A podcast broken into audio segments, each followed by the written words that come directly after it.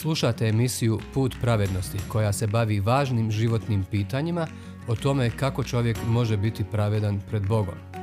Ako imate bilo kakvih pitanja ili komentara vezano za današnju emisiju, na kraju ćete imati informacije kako nas kontaktirati.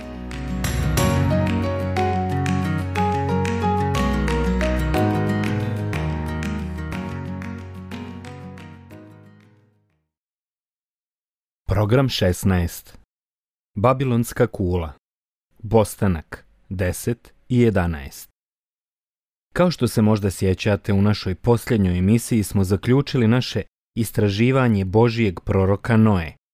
Vidjeli smo kako je Bog poplavom zbrisao Adamovu djecu zbog njihove pokvarenosti. Bog je grešnicima dao sto godina vremena da se pokaju dok je Noe gradio barku, koja bi bila utočište za sve one koji su vjerovali Božjoj riječi.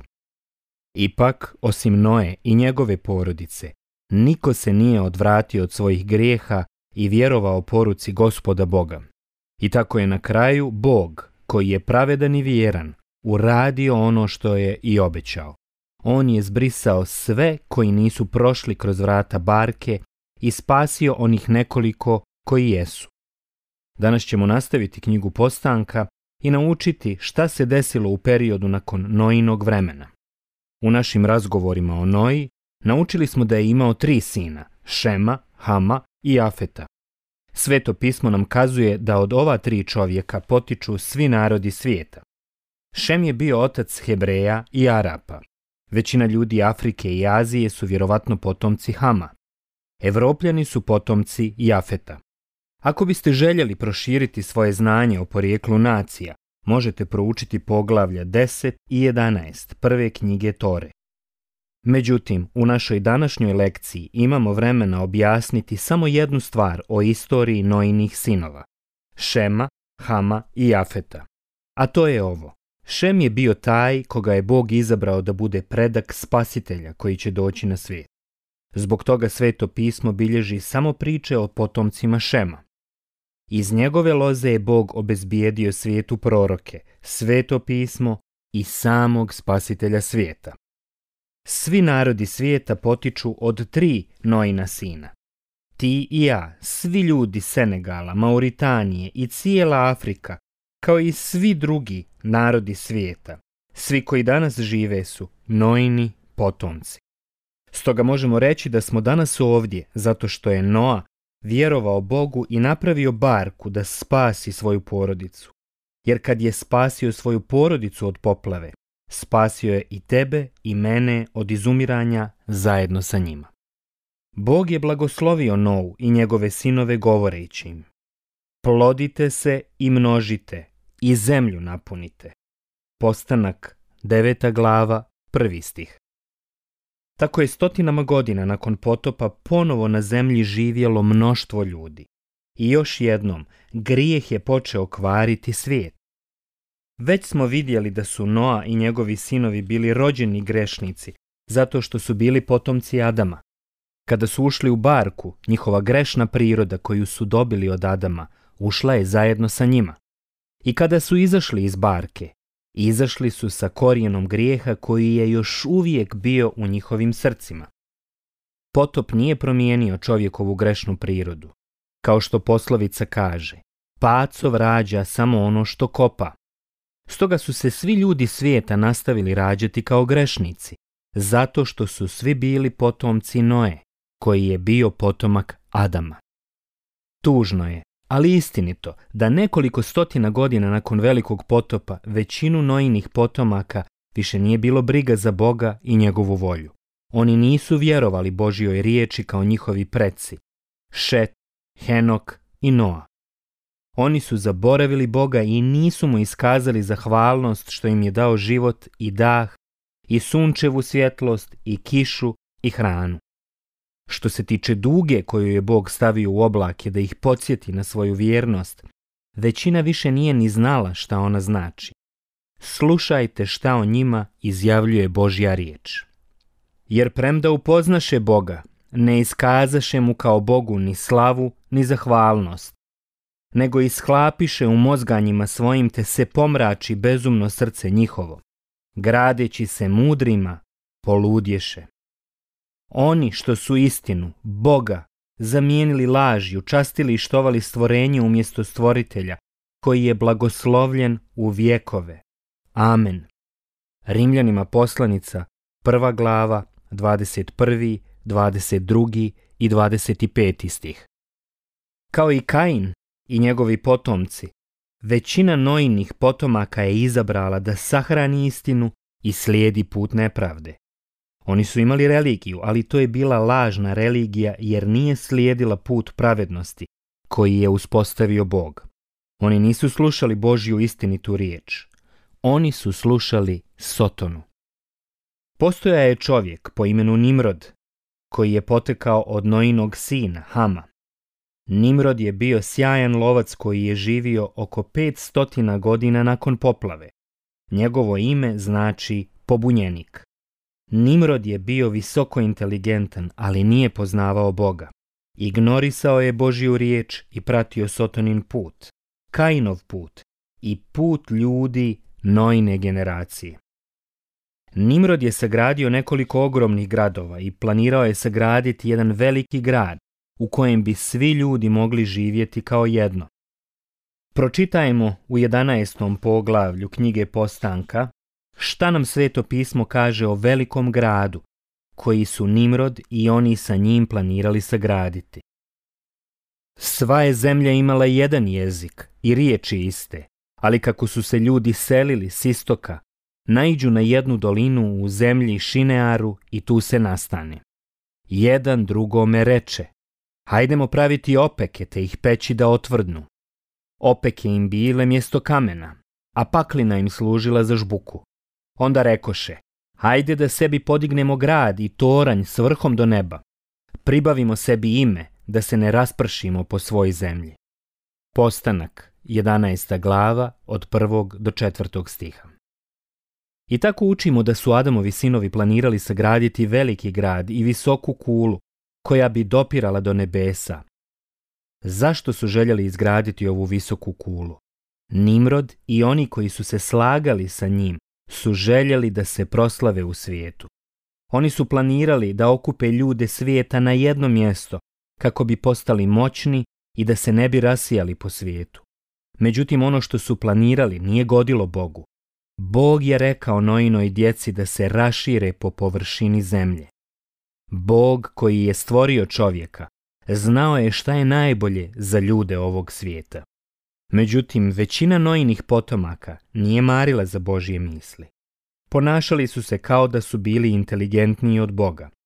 Kao i kod samog Sotone, srca su im bila ispunjena ponosom i pobunom protiv Boga. Ali sveto pismo kaže Tko se god uzvisuje, bit će ponižen, a tko se god ponizuje, bit će uzvišen. Matejevo evanđelje, 23. glava, 12. stih. I, jer što se među ljudima smatra za izuzetno, to je Bogu gadno. Lukino evanđelje, 16. glava, 15. stih. Uzdizati čovjeka ili tražiti slavu za sebe je grijeh pred Bogom, jer postoji samo jedno ime vrijedno pohvale i slave. To je ime gospoda Boga koji je stvorio nebesa i zemlju. Kao što sveto pismo kaže, tko se hvali u gospodinu neka se hvali, ta nije prokušan tko sam sebe preporučuje nego koga preporučuje gospodin. Druga poslanica Korinčanima, deseta glava, 17. i 18. stih. Međutim, u vrijeme Nimroda većina Adamovih potomaka nije poštovala Boga. Oni su mislili da im nije potreban Bog i njegova riječ. Niko im nije bio potreban da im bilo šta kaže. Odlikovao ih je duh nezavisnosti i pobune. Do danas se taj isti stav nalazi u srcima Adamove djece. Ovo možemo vidjeti čak i kod male djece kada odbruse i kažu Ne, neću. I taj isti duh se utoliko više pronalazi kod odraslih. Koji je uzrok sukoba u domovima i nacijama svijeta? Ništa drugo nego ovaj duh nezavisnosti koji misli ja mogu da se brinem sam sebi, ja ću slijediti religiju mog oca, čak i ako protivriječi svetim spisima proroka. Moje tradicije su najbolje. Moja sekta je u pravu. Moji ljudi su superiorniji. Moje pleme je najpametnije. Moje ime je najvažnije. Moje stvari, moja volja, moja dijela, moj novac, moj, moj, moj. Taj samoživi sebični duh nezavisnosti je razlog zašto je svijet prepun svađa, borbi i ratova. Ali Bog mrzi takav duh jer je samo njegovo ime dostojno slave. Zbog toga on u svojoj riječi kaže Ja, Jahve mi je ime, svoje slave drugom ne dam, niti časti svoje kipovima. Knjiga proroka Izaije, 42. glava, 8. stih. Ali oni koji su počeli graditi kulu da bi stigli do nebesa, nisu marili za Božiju slavu. Oni su tražili samo svoju slavu većina nije znala ni ime njihovog tvorca. Zasigurno je mnogo ljudi bilo religiozno u to vrijeme, ali oni nisu imali odnos sa Bogom. Oni su se nadali da će stići do nebesa na svoj način. Samo pet godina nakon poplave ljudi su ponovo počeli ići svojim putem i ignorisati gospoda koji im je dao život i dah. Oni su bili poput praseta koje nakon što se opere ode se valjati u blatu. Vidi druga Petrova poslanica, druga glava, 22. stih. Kako bezumno i pokvareno od čovjeka da želi živjeti svoj život odvojeno od Boga i njegovog plana. I šta je Bog učinio? Da li je ignorisao plan ljudi da žive odvojeno od njega? Da li je prihvatio one koji su se pobunili protiv njega? Ne, nije. Poslušajte šta je Bog učinio. Jahve se spusti da vidi grad i toranj što su ga gradili sinovi čovječiji. Jahve reče, zbilja su jedan narod s jednim jezikom za sve. Ovo je tek početak njihovih nastojanja. Sad im ništa neće biti neostvarivo što god naume izvesti. Hajde da siđemo i jezik im pobrkamo, da jedan drugome govora ne razumije. Tako ih Jahve rasu odande po svoj zemlji, te ne sazideše grada. Stoga mu je ime Babel, jer je ondje Jahve pobrkao govor svima u onom kraju i odande ih je Jahve raspršio po svoj zemlji. Postanak, 11. glava, od 5. do 9. stiha. Tako je Bog poremetio planove Nimroda i drugih koji su počeli graditi veliki grad za njihovu sobstvenu slavu. Do ovog vremena svi na svijetu su govorili istim jezikom, ali tog dana Bog im je izmiješao jezike tako da se više nisu mogli međusobno razumjeti. Sjetit ćete se da je Bog zapovjedio Noinim potomcima da napune zemlju. Postanak, deveta glava, prvi stih. I da se rašire po cijelom svijetu. Ali Nimrod i njegovi pratioci su željeli raditi stvari na svoj način i okupiti sve ljude svijeta na jedno mjesto. Bog je porazio njihove namjere dajući im nove jezike, tako ih je rasuo po cijeloj zemlji. Ovo je razlog zašto danas imamo stotine nacija i hiljade jezika. Bog je temeljito uradio posao miješanja svjetskih jezika. Pomislite koliko se jezika govori samo u ovoj zemlji. O kako je velik naš Bog. Niko ne može ići protiv svemogućeg Boga i uspjeti. Jaje se ne treba hrvati sa kamenom. Čovjek je pokušao da se hrve sa Bogom i izgubio. Da li znate ime ovog grada u kojem je čovjek pokušao napraviti pobunu protiv Boga? Da, ime ovog grada je Babilon. Babilon znači zbrka. Život odvojen od Boga i njegove riječi je sama zbrka. To je priča o gradu Babilonu i ljudima koji su pokušali veličati svoje sobstveno ime. Da li smo mi ikada poput ljudi iz Babilona? Da li ikada veličamo sami sebe? Bog nam govori da je grijeh to raditi. Prijatelju koji slušaš, čije ime želiš uzdići? Svoje sobstveno ime? Ime čovjeka? Možda nekog marabuta? Ili želite uzvisiti ime gospoda Boga i samo njega? Čiju pohvalu i odobrenje tražite? Odobrenje čovjeka? Ili da li tražite odobrenje Boga? Jedna stvar je apsolutno sigurna. Odobrenje koje dolazi od ljudi će proći, ali odobrenje koje dolazi od Boga trajeće zauvijek. Božja riječ kaže Doista svako je tijelo kao trava, sva mu slava kod cvijet poljski, sahne trava, vene cvijet. Prva Petrova poslanica, prva glava, 24. stih. Poslušajte ovu riječ koja dolazi od samog gospoda. A tko se hvaliti hoće, neka se hvali time što ima mudrost da mene spozna. Jer ja sam Jahve koji tvori dobrotu, pravo i pravdu na zemlji. Jer to mi je milo. Riječ je Jahvina. Evo bliže se dani, riječ je Jahvina. Kazniću sve koji su obrezani na tijelu. Knjiga proroka Jeremije, deveta glava, 23. i 24. stih. Ako Bog da, u našoj sljedećoj emisiji pregledat ćemo sve što smo učili od početka do sad. Neka vas Bog blagoslovi dok razmatrate ovu riječ iz njegove knjige. Ta nije prokušan tko sam sebe preporučuje, nego koga preporučuje gospodin.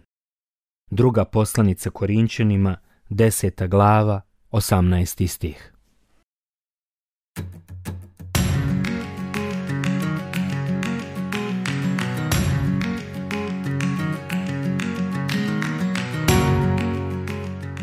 Hvala vam što ste slušali današnju emisiju. Kontaktirajte nas putem našeg e-maila putpravednosti.bih.gmail.com ili putem naše Facebook stranice Put pravednosti. Do sljedećeg slušanja.